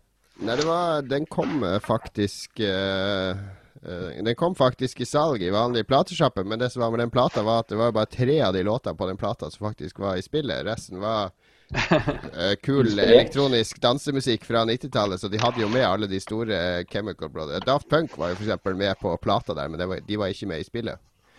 Ah, okay. Det var sånn medgangssupportere av de her artistene som plutselig ble med på uh, wipeout-kjøret der, tydeligvis. Mm. Ja, men Sony sponsa jo, satt jo inn PlayStation i masse av de her klubbene i England, i nattklubbene og sånn, så de var jo veldig hypp på å ha med alle jungle-artister og elektronika-artister på løpet. Det er jo det som var litt av problemet med oppfølgerne til Wipeout. Det gikk jo, jeg vet ikke, det var vel en tre sånne, syns jeg da, skikkelig gode Wipeout-spill, og det var liksom fordi musikken var inn og var kul samtidig. Og så beholdt de samme musikkstilen og beholdt den samme gameplayen. Og så, ja, så var det ikke liksom like nyskapende. Det bare var det, var det samme. De klarte liksom ikke å gjøre noe. Det føltes kanskje ikke like tidsriktig etter en stund, mm. syns jeg. Du spilte Wipeout da det kom, Marius, eller? Uh... Ja, ja, jeg spilte på PlayStation da det kom. Um, det var liksom det som Jeg husker fordi det var jo F-Zero på det Super Nintendo. Ja, ja, ja. Uh, og så kom dette her og tok på en måte litt den der samme greia, bare noen hakk videre. da. Um, ja. Og, og, og, da, og den gangen så syns ikke jeg Jeg kan ikke huske at det var noen andre ekstremt gode Bortsett fra Sega Rally og sånn, så var det ikke så veldig mange gode bilspill som på en måte fylte det rommet. Så da, da var Wipeout jævla kult. Men, men, med en gang det kom, liksom, kom flere typer bilspill som, som, virkelig gjorde bil på en litt mer i hvert fall den gangen autentisk måte, så, så husker jeg at jeg falt av Wipeout. Liksom, da, eller da, da ja. Jeg har spilt en del den som er på Vita. Den er, den er ganske kul, den, altså. Den er samme ja, ånd som de gamle, men det blir litt sånn fordi, jeg, fordi jeg likte de gamle, så liker jeg den. Jeg viste det til sønnen min, så var han jo overhodet ikke interessert. Han skjønte jo ikke den derre skinnende tekno-glam-fikseringa i det hele tatt. Ja ja. Vi skal snakke om det vi har spilt i det siste. Det er ikke Wipeout, for min del i hvert fall. Eh, Marius, vår gjest, du har allerede nevnt Beyond Two Souls. Er det noe annet du har fått tid å, sp å spille i det siste, bortsett fra det og litt PlayStation 4-spill? Ja, ja, det var Battlefield 4 da, som jeg begynte på her. Jeg tenkte liksom at jeg skulle vente til PlayStation 4-utgaven. Så tenkte jeg nei, vet du hva, det, det, er ikke så viktig, så jeg vil bare gjøre det ferdig. Men jeg sitter gjennom story-moden nå. Det er den jeg alltid starter med uansett. da. Det er ganske kjedelig. Eh, det er, det er dørgende kjedelig. Det er liksom, eh, nå, nå, heter han eh, Rucker, men han kunne like gjerne vært en Sanchez, han her også. Sanchez, get in there, open the door, Sanchez. Det er, det er liksom sånn Og du sitter og tenker nå skjer sikkert dette. Og så skjer det som du har tenkt. Og da så jeg litt irritert. Det er klisjé på klisjé, og det er jo en, en fin tech-demo for den grafikkmotoren de har laga, men uh, mm. engasjerende skytespill det er det ikke. Men multiplayeren den er briljant, og den må du absolutt spille på PlayStation 4. Det, Nei, jeg, ja, det, det, skal jeg gjøre. Jeg spilte betaen da den kom, bare for å sjekke mm. litt hva det var. Så det var kult nok. Litt, um, jeg syns det var litt det samme akkurat det, fall det jeg spilte. Men um, er, du en, er du en Call of Duty eller Battlefield-dude? Egentlig ingen av delene, men um, men Modern Warfare 1, Modern Warfare 1 spilte jeg jævlig mye. Men grunnen til at jeg spilte mye, var fordi at eh, Og da spilte jeg det på PC. Det var at eh, jeg fant en kode som ga meg eh, alle våpen i hele spillet unlocked med, med omtrent unlimited med ammo. da. Og så, det Ammo-greiene var ikke så viktig. Det var som, det er ok at kulene tar slutt en gang. Sånn, det er ok. Men det som var kult med det, var at med en gang Jeg hadde spilt gjennom Storm-moden kanskje to ganger. Og så fant jeg den koden, og da spilte jeg det kanskje syv eller åtte ganger til etter det. Fordi at uh, plutselig så ble oppdragene helt annerledes. Litt sånn tilbake til Rainbow Six-perioden, hvor du kunne spille ting om igjen om igjen. om igjen, Ja, ja, ja. Og så gjøre endringer. Og så ville utfallet, eller i hvert fall din egen måte å løse det på, endre seg veldig. Så eksempel, sånn som det, det brettet som er, eller det ganske tidlige missionet hvor du eh, har reddet han russeren, Mm. og så blir helikopteret skutt ned. Og så starter du da i det vraket sammen med de andre gutta, så skal du komme over noen jorder og greier. Eh, med både et helikopter i luften som er eh, laget helvete, pluss masse folk på bakken. Og med de nye våpnene så kunne jeg skyte med helikopter i luften med en eneste gang. Og så ble hele brettet plutselig noe helt annet. ja, det er kult. Ja, det var Ja, ja, bra levetid. Det er det vi anmeldere liker, når de lager en sånn eh, dynamisk lekeplass der våre Yes. handlinger faktisk påvirker det som skjer, og ikke bare et sånn skytegalleri. Mm. Men eh, nå Um, gjorde du eh, eh, Nå skjønner du, Lars, hvorfor Marius er en bra gjest. Hvis vi hadde spurt en annen Sony-mann om hva han liker best av uh, Call of Duty og Battlefield, så ville han ha vært litt sånn politisk, og så ville han begynt å snakke om Killzone. Og det, og det gjorde ikke Marius. Det, det er integritet. Det, det, det, han er ikke bare ute etter å selge. Da har vi en som virkelig brenner for spill her. Det, Ja, nei, jeg. jeg er strålende fornøyd. Jeg er strålende fornøyd. Vi drev jo og lurte på vi klarte å få en eh, gjest. Jeg tenkte det er jo en longshot å spørre, spørre Nordisk Filmguttene om eh, om de gidder å være med og sånt. Men eh, ja. Nei, nei det, var ikke, det, var ikke, giddingen, det var tiden. Men, eh, men eh, nei, jeg hadde lyst til å ha på dette her. altså. Ja. Nei, Terningkast Kjempegøy. seks så langt. Kun terningkast seks. Lars, du har bare spilt sjakk i det siste, er det så? Jeg har kun spilt sjakk, eh, både på, eh, i browseren min, på chess.com, anbefales veldig, og eh, du kan gjøre det gratis. Og så har jeg spilt noe som heter Social Chess.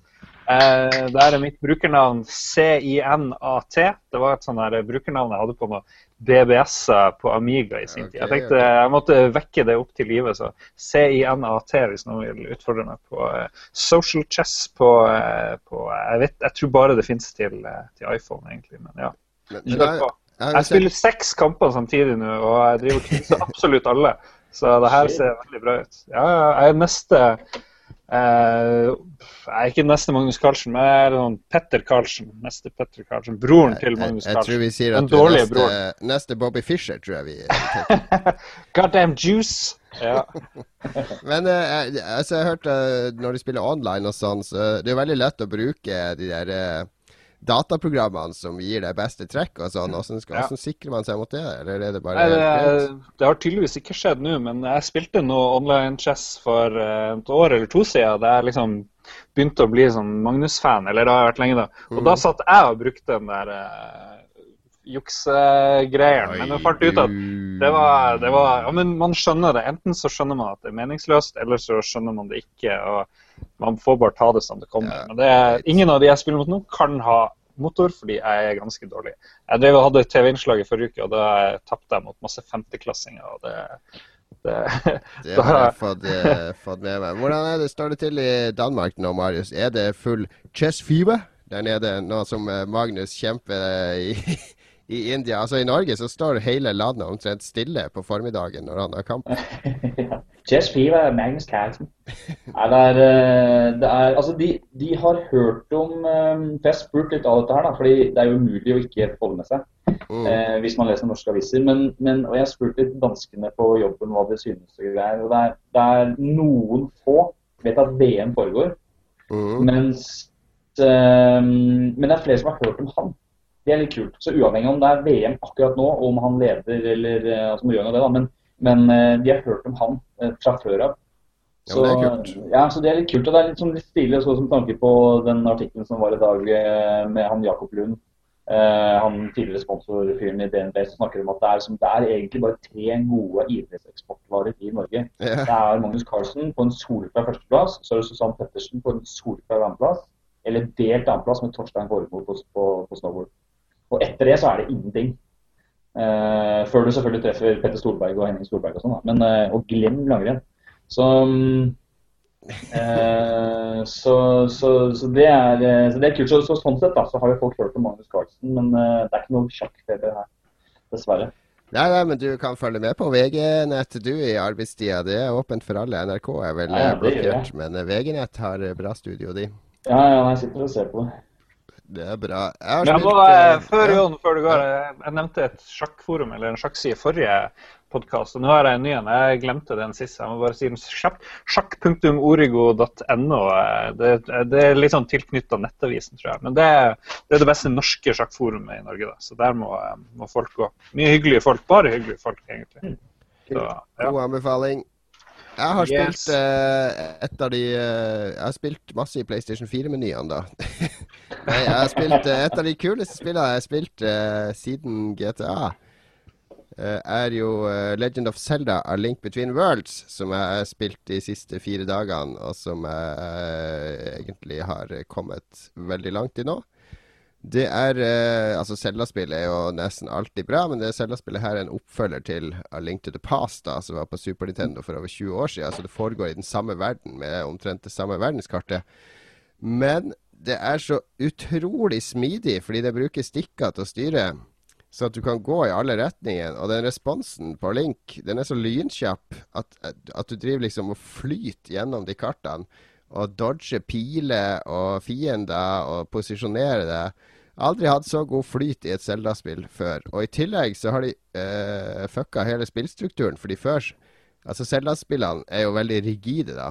Så du kommer til en grotte, og så får du bumerangen, og så må du bruke den til å løse de gåtene i grotten, og så klarer du den, og så kommer du til neste grotte, så får du eh, hookshoten, og så må du bruke den til å løse de gåtene i grotta osv. Mens her, eh, etter et, en halv time, tre kvarter, så kommer du til en butikk der du kan leie alle items i spillet, eller nesten alle items i spillet. da. Så du kan, du kan få bombe, hookshot, pil og bue, uh, forskjellige wants. Alt du trenger med en gang. Og så kan du gå til hvilket tempel du vil. Du kan ta templene i den rekkefølgen du vil.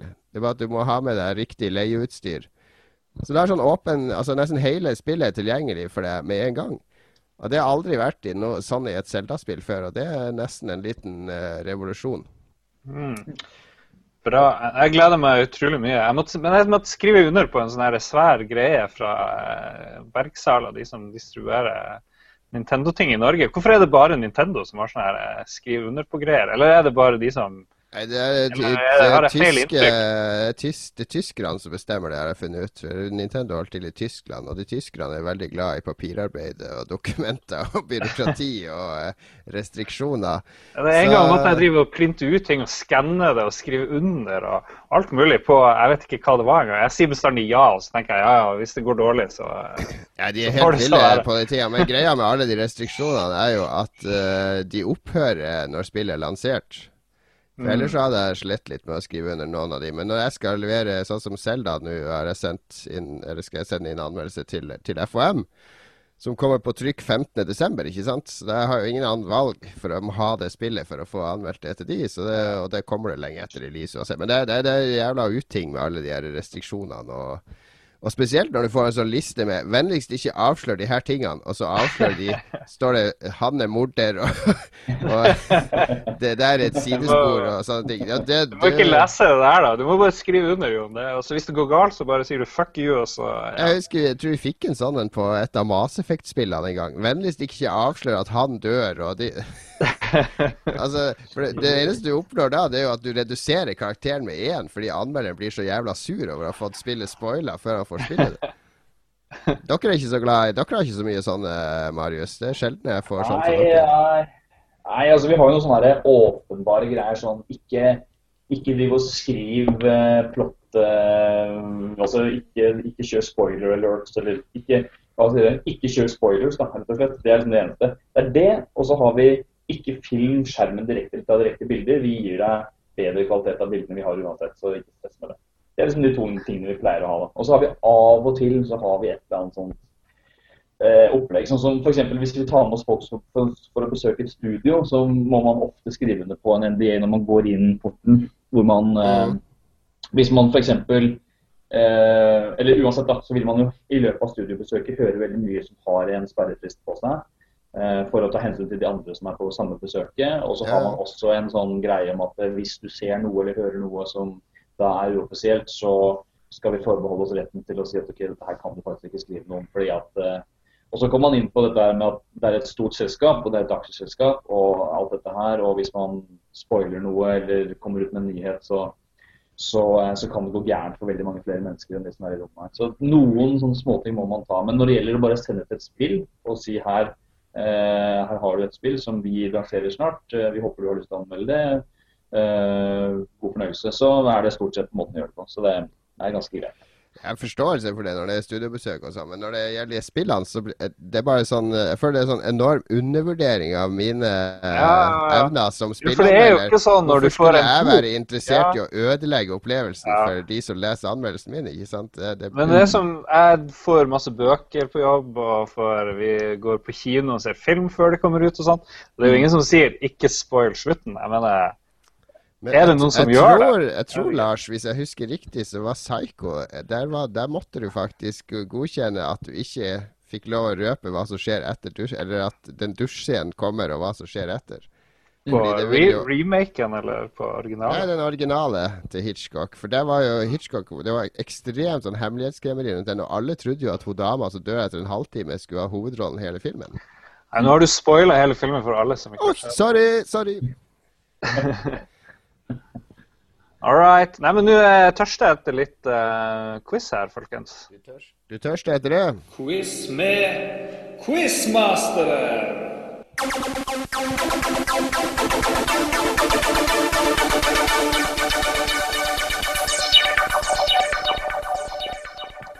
Ah, yeah, motherfuckers. Uh, Marius, du har sikkert ikke fått med deg det her, da, men uh, hver uke så er det quiz med quizmasteren. Quizmasteren er Jon Cato Lorentzen, som mm -hmm. uh, Når kona hans har rød uke, så er det quiz på Tilt for alle som vil. Det er jeg klar over. Det er du klar over. Det er alle klar over. og da må jeg blir jo... invitert hver uke, men jeg sitter jo fast da, i det pølselandet her nede. ja, så Derfor gir vi folk sjansen til å prøve seg mot han som spør spørsmålene uh, i denne konkurransen. For er Jon Cato egentlig så jækla lur som han later som? Jeg, jeg, tror det. Ja, du tror det. Og uh, takk, takk. Hittil, hittil, så har du egentlig rett. Men i forrige program så tapte Jon. Og akkurat som i den sjakkmatchen Mot hvem da? Mot Philip. Det var hårfint. Philip eh, Fløgstad, ja. sjefen for spillegal.no. Philip med F, eh, ja. ja. Knuste, knuste Jon klart. Eh, I hvert fall med ett poeng da han gjorde det. Så nå skal vi se om du klarer å følge opp. Se om Jon har psyken i orden. Eh, har du gått helt ned i kjelleren siden sist, Jon, eller hvordan er det? Eh, nei, jeg har egentlig ikke tenkt på det før, før vi kom hit nå, så ja, OK, det ser bra ut. Nei, men da er det sånn, Marius, at eh, gjesten får lov å Vil du begynne å svare, eller skal Jon svare først? Jeg har litt tenkt på det. Eh, jeg kan godt begynne, fordi altså, jeg føler bare Her skal jeg bare liksom prøve å karaktere meg det jeg klarer. Det handler ikke om å vinne, det handler bare om å altså, selvfølgelig delta, men i hvert fall jeg vet faen, jeg. Jeg, nei, jeg har lave forventninger. Men og grunnen til det da, er, det er to grunner. Da. Det ene er at jeg har sittet rundt uh, bord eh, og bardisker og snakket med om om spill før. Og, og liksom, det er ikke noe tvil om at uh, han kan sinnssykt mye. Og så vet jeg også at nivået på de quizene er jævlig høyt.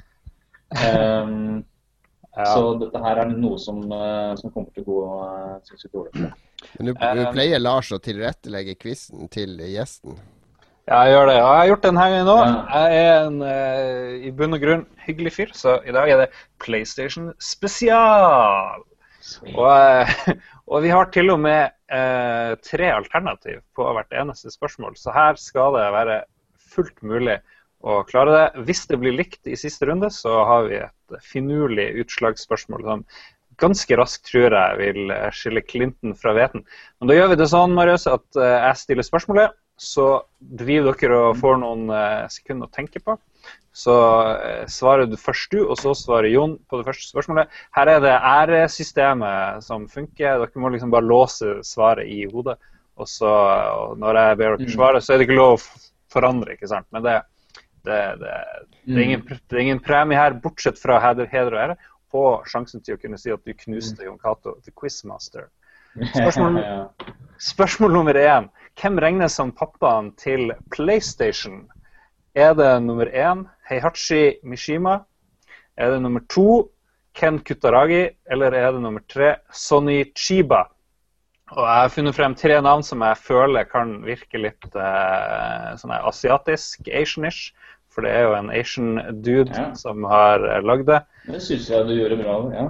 Ja, så eh, og vi begynte litt rolig her, så da, da er vær så god, eh, vær så god, Marius. Er dere klare til å svare begge to? Ja. Ja. Ja, OK. Da kjører du først, eh, Marius. Da tar jeg det, da tar jeg det eneste som hørtes som at det ringte en bjelle, og det er to kutterager. OK. Jon, hva svarer du? Ja, altså Han første er jo med i Tekken, og han tredje var jo en filmskuespiller, så da svarer jeg to Kutaragi. Og han briefer, han briefer. Ja, syke ut motstanderen, kalles det. Ja, det funker som juling, det der. Ja. Nei, det var selvfølgelig skurken i Tekken 1 og uh, filmskuespilleren Sonny Chiba. Hvilke filmer var det Sonny Chiba spilte? Ja, vi hadde en på laserdisk, husker jeg. Kjøpte en på laserdisk, Lars, vi så, men jeg husker ingenting av den filmen. Jeg tror det var jeg tror det heter Nei, men de heter Street Fighter, og så var det noe som het Sister Street Fighter. Og det var mye rart. Hva, i hva, hva, hva het han som spilte Hattori Hanso? Eh, ja, det er jo han samme som spilte eh, Sonny Chiba, var det ikke det? Jeg tror det. Sonny Chiba var vel eh, skuespilleren. Ja, han var skuespiller! Det er ikke så sorry. farlig. Det var noen Ja. Tarantino name-droppa det vel rundt Tarantino, Pulp Fiction, og da måtte vi jo sjekke ut Sonny Chiba. Så det var sånn, sånn vi fant ut av han. Nei, men jeg tror det var True Romance. Det var mest Sonny Chiba. Det var der de gikk og så Sonny Chiba-maraton i starten, når de ble forelska. Men uansett, eh, 1-1. Vi skriver 1-1. Jon Marius. Spørsmål nummer to. Mm, Jon svarer først. Hvor mange spill ble det solgt sånn cirka til PlayStation 1? 562 millioner, 762 millioner eller 962 millioner? Klokka tikker. Alle får ti sekunder cirka. Det ble solgt eh, greit med spill til PlayStation, altså. Eh, må si det. En halv milliard minst. Så eh, ja. 562 millioner, 762 millioner eller 962 millioner. Jon, du svarer først. Go! Eh, jeg sier 700 og et eller annet. Og Marius sier 900. Å! Gjesten går opp i ledelsen. Nei! Veldig, veldig bra. Shit! Det var bare gjetting, da. Men det er mange spill, altså. Fy faen. Det er mye spill. Ja, jo. Men den ble jo produsert veldig lenge etter at PlayStation 2 eh, ble lansert, så det skulle jo bare mangle. Ja. Jo, jo, men sånn som hvis du ser på, på Fifa nå, det siste Fifa-spillet til PlayStation 2 ble jo solgt i år. Ja, ja det, er. Fifa, Fifa 14 går til PlayStation 2. det er veldig, veldig Jeg vet ikke, er det fordi de selges i India og sånne rare? Ja, Eller, ja. altså PS2-versjonen og DS-versjonen er vel helt identisk med fjoråret, bare oppdatert spillerstall. Jeg tror ikke de har gjort noe som helst med spillmotoren eller noe sånt. OK, Marius, da er det du som svarer først igjen. Du som leder. Spørsmål nummer tre. Det er fem spørsmål. Spørsmål nummer tre. Eh, tidlige PlayStation-modeller var kjent for å kunne gi hakka FMV, som vi kalte det, eh, video, og hakket musikk. Hva var en populær løsning på dette problemet? Var det nummer én modde PlayStation sånn at lokket ikke måtte være igjen? Snu opp ned på PlayStation? Eller var det å sørge for at den holdt seg kjølig? Altså, det, skulle man modde PlayStation? Det var jo noe mange gjorde. Eh, er det å snu opp ned på sin PlayStation, eller var det å sørge for at den holdt seg kjølig? Eh, vi vet jo alle at datamaskiner liker ikke å bli for varm. Ta, men ta, ta, ta spørsmålet en gang til. Eh, Hvilken, hvilken, hvilken PlayStation er det det snakk om? Eh, PlayStation 1. Tidlige PlayStation 1-modeller var kjent for å kunne gi hakka FMV, som vi kalte det. FMV. Eh, full motion video, eller hva farsken det sto for. film, filmklipp ble hakket. Ja, Ja, og hakket ja. musikk. Og hva var en populær løsning for å fikse det problemet? Ja, sånn, okay, ja, det. Var det nummer én modde PlayStation sånn at lokket ikke måtte være igjen? Eh, var det å snu opp ned på sin PlayStation? Eller skulle man sørge for at den holdt seg kjølig? Jeg føler at Jon allerede har funnet et svar, så da Mm. sier vi Marius, vær så god. Eh, faen, ass. Eh, Jeg tror jeg stemmer for den eh, åpent lokket. Åpent lokk. Jeg husker jeg gjorde sånn at jeg kunne ha lokket mitt åpent i hvert fall. Jon, hva gjorde du? Eh, du måtte jo sørge for å holde den kjølig, at den ikke sto på gulvteppa og sånn, så at den ikke fikk ventilasjon. Så du svarer det. Og dere har begge feil.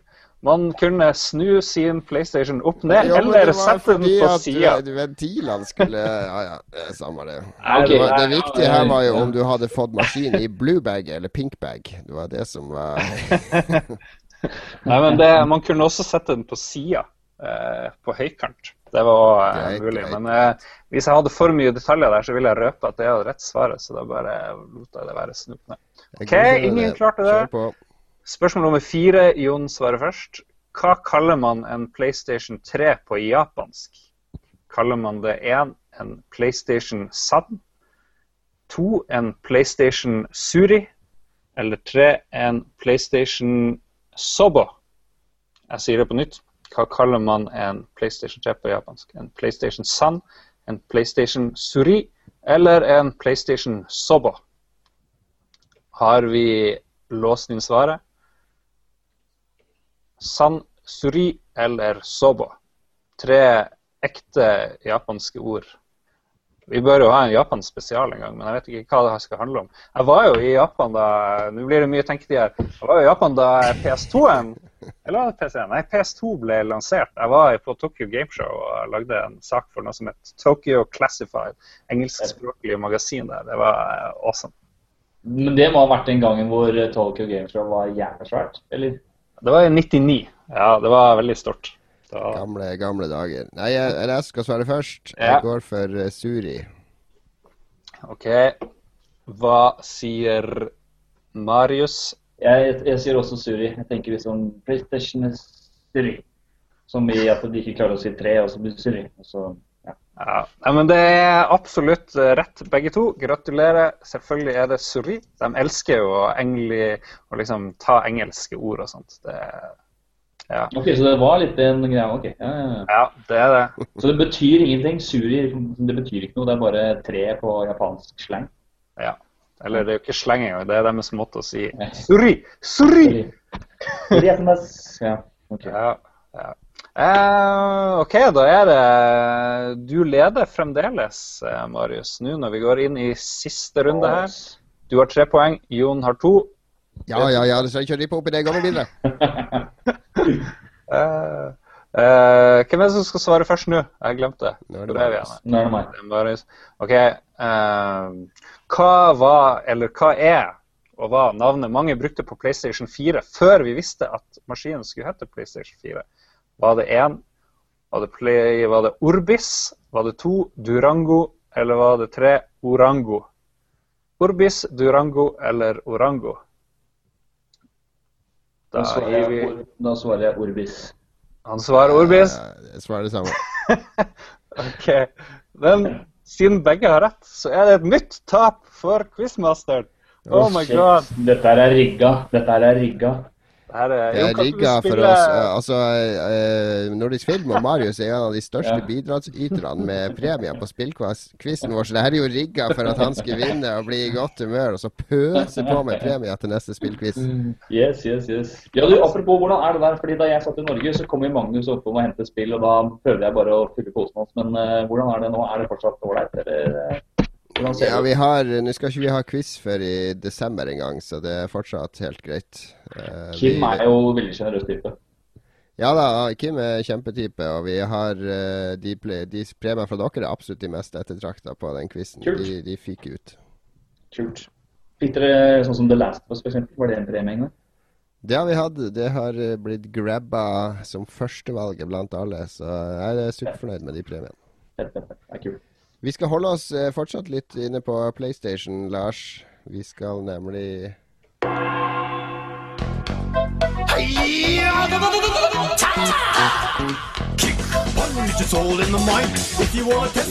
eh, Retrospalten, og vi skal ta for oss en uh, PlayStation-klassiker denne gangen. Det vi hører i bakgrunnen her, er jo uh, Chop Chop Master Onion, som rapper mot Parappa the Rapper. Parappa the Rapper var kanskje ikke det største salgssuksessen på PlayStation her i Norge, men det var et spill som eh, Det kom eh, etter Wipeout. og alle de her, Det var liksom i forkant av den andre bølgen med PlayStation-spill, men det var et spill som for meg i hvert fall demonstrerte at Sony ville mye mer enn å bare satse på sånne arkadeopplevelser og enkle konsollspill. De, de hadde en mye mer sånn kunstnerisk, eksperimentell strek over seg. Og så var det et spill der du lekte med musikk og rytmer, som du skulle rappe, gikk jo spillet ut på.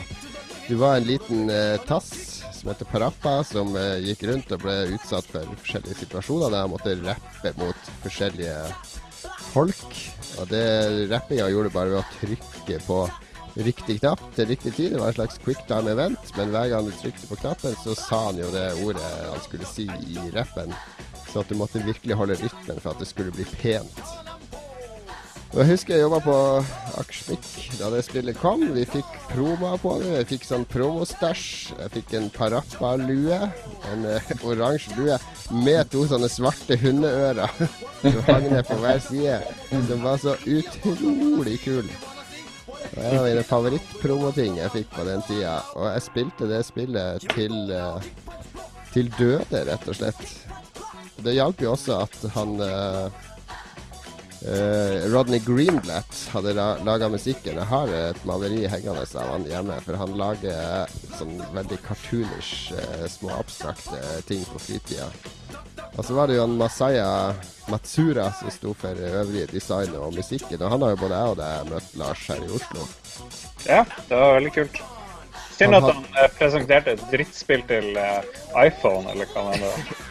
Ja, men Jeg hadde et artig foredrag under Bylarm i Oslo, og vi dro jo dit fordi det var jo Parappa-skaperen kom til byen. Det er klart at vi måtte dra og, og se på han, og da satt han jo og spilte live på scenen og sånn her psykedelisk eh, stjernemusikk-rock med visuelle effekter, og han var akkurat så sær som japanske musikere bør være. På den der eh, infamøse turen til Tokyo i eh, 99, så eh, fikk jeg jo én request fra deg, og det var jo å ta med hjem en Parappa the Rapper Var det vekkerklokke, eller var det Ja, brødrister, eh, brødrister. Brødrister, ja. ja Jeg jeg, Parappa-brødrister som toasta brød med Parappa-logo. jeg beklager fremdeles at jeg ikke tok det med hjem. Men du tok jo hevn med å servere meg kakerom eh, da jeg kom til Norge. Ja, du spøy inn åtte timer etter du hadde kommet til, til hjemlandet igjen. Det var mitt mål. Ja. Var du noen gang borti Parappa du, Marius? Nei, faktisk ikke. Det, det er litt eh, rart det der, fordi ehm, første gangen og eneste gangen jeg har hatt noe med han å gjøre, var i forbindelse med Allstars Battle Royale. Ja, ja, ja. Han var med der. Ja, han var med der. Så jeg ble veldig nysgjerrig, da, så jeg har bare lest om han. Jeg har ikke spilt spillene. Ja, nei, Det var bare det første spillet som var kult. Det kom jo Um Jammerlammy og eh, et par andre sånne spin-off som ikke var like kule. Og Vi- eh, Vib Ribbon var ganske kult. Det kom etterpå, men det hadde egentlig ikke så mye med Parappa å gjøre. Men det var også sånn musikk. Type spill. spill. var jo genialt. Det har jo fantastisk musikk, alle de tracksene der. De burde vi spille en gang. Ja, vi Ribbon var kult. Men det var liksom Parappa som åpna døren for de her eksperimentene mellom musikk og grafikk og lyd og gameplay. Og veldig sånn eh, Det var liksom det første Skal jeg kalle det indie-spill på PlayStation som jeg opplevde. Det var jo Sony som ga det ut, men det at de tok sjansen på noe så sært og rart Det var greit at de De gjorde jo ofte det i Japan, ga ut sære ting, at de tok og ga det ut i Vesten òg, det syns jeg var veldig imponerende. Så eh, ukens retrospill eh, i dag det har rett og slett vært Parappa the Rapper. En, eh, en tidløs opplevelse. Det spillet holdt seg like godt i dag. Det har ikke tatt skade av, av alle årene. Like Ja. spillbart. Det er hele tida folk som vil ha remakes og nye versjoner, så det har tydeligvis en fanskare. Men eh, jeg prøvde å søke hvor mange salg det hadde, men jeg klarte ikke å finne noe som helst. Øverste treff var VG-chart, så det er jo notorisk eh, til å ikke stole på. Så eh, ja, Nei. gud vet. Det har nok er ikke solgt så eh, mye. litt sketchy, da. Ja. Ja, nei, men genial eh, avslutning, Jon. Er det noe eh, lurt vi skal eh, spørre godeste Marius om før vi eh, går og legger oss? Jeg regner jo med Vi har gått kraftig over tida i dag pga. Ja, diverse vi er vel rundt 1,40. tekniske Ja, vi har pleid å henge, Ja, så ja, eh, ja. det er ikke, det er ikke så ille, det. Ja, det, det. Når skal du opp i morgen, Marius? Har du noe eh, spesielt som skjer i morgen som er spennende? Eh, ja, nei, ja, jeg skal svømme før jobben, har jeg tenkt, da. Det må jeg jævla tidlig for å rekke. Og så skal jeg på jobb, og så skal vi sende ut alle pressekittene. Så Jon Cato mottar jo spillen i morgen, da. Ja, ja, Eh, altså, jeg skal jo faktisk opp til dere i morgen tidlig klokka ni, for jeg må ha det her innen tolv. Fordi da skal det komme Ja, okay. folk og filme, og vi skal lage en reportasje. bra, bra, bra. Så jeg skal jo Jeg skal jo ikke legge meg nå. Jeg skal opp til Nydalen og legge meg i sovepose utenfor uh, Nordisk Film og hjemme Mortensen, sånn at jeg er sikker på å være først til å få de spillene. Og så kan jeg jo livestreame de, Lars, så at du kan få en liten PlayStation 4-opplevelse oppi Harstad. Jeg tror jeg må eh, kapre deg til å skrive mine anmeldelser, eh, siden jeg dessverre ikke er blant de heldige som, eh, som får. Men Nei, Ta det med ro, salgs, vet du. jeg skal, jeg skal klage min nød til nordisk film. Ja, ring til, ring til Nils. Jeg tok, jeg tok faktisk et bilde av pressekittet i dag. I hvert fall når du åpner det, så pakker du det ut. Mm. Ehm, jeg kan ehm, tenkte jeg tenkte jeg skulle sende det til deg, Jon Cato, men uh... Nei, jeg kan sende det senere. Men iallfall, det viste alle spillene, da.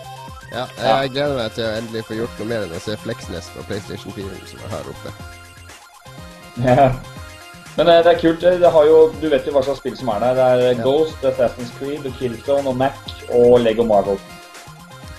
Det blir bra. Gleder meg. gleder meg. Jeg har en eh, Ja. tolvåring her som også gleder seg stort, så vi skal teste. Ja. Og så uh, Ja, gjør det. Og så kommer det jo digitale koder for Resogun etter hvert. Ja, det, er den du gleder deg mest til, Lars, er det ikke det?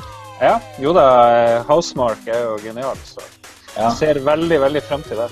Resogun uh, hadde en veldig fin demo, spillbar demo på Gamescom. Så jeg fikk jeg prøvd det da, i fred og ro. Det er kult, altså.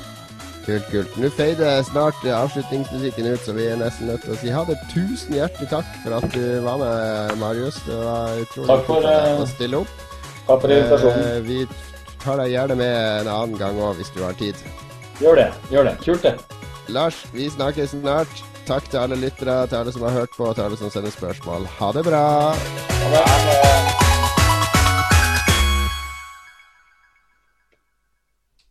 Har du et enkeltpersonforetak eller en liten bedrift? Da er du sikkert lei av å høre meg snakke om hvor enkelt det er med kvitteringer og bilag i fiken, så vi eh, gir oss her, vi. Fordi vi liker enkelt. Fiken superenkelt regnskap.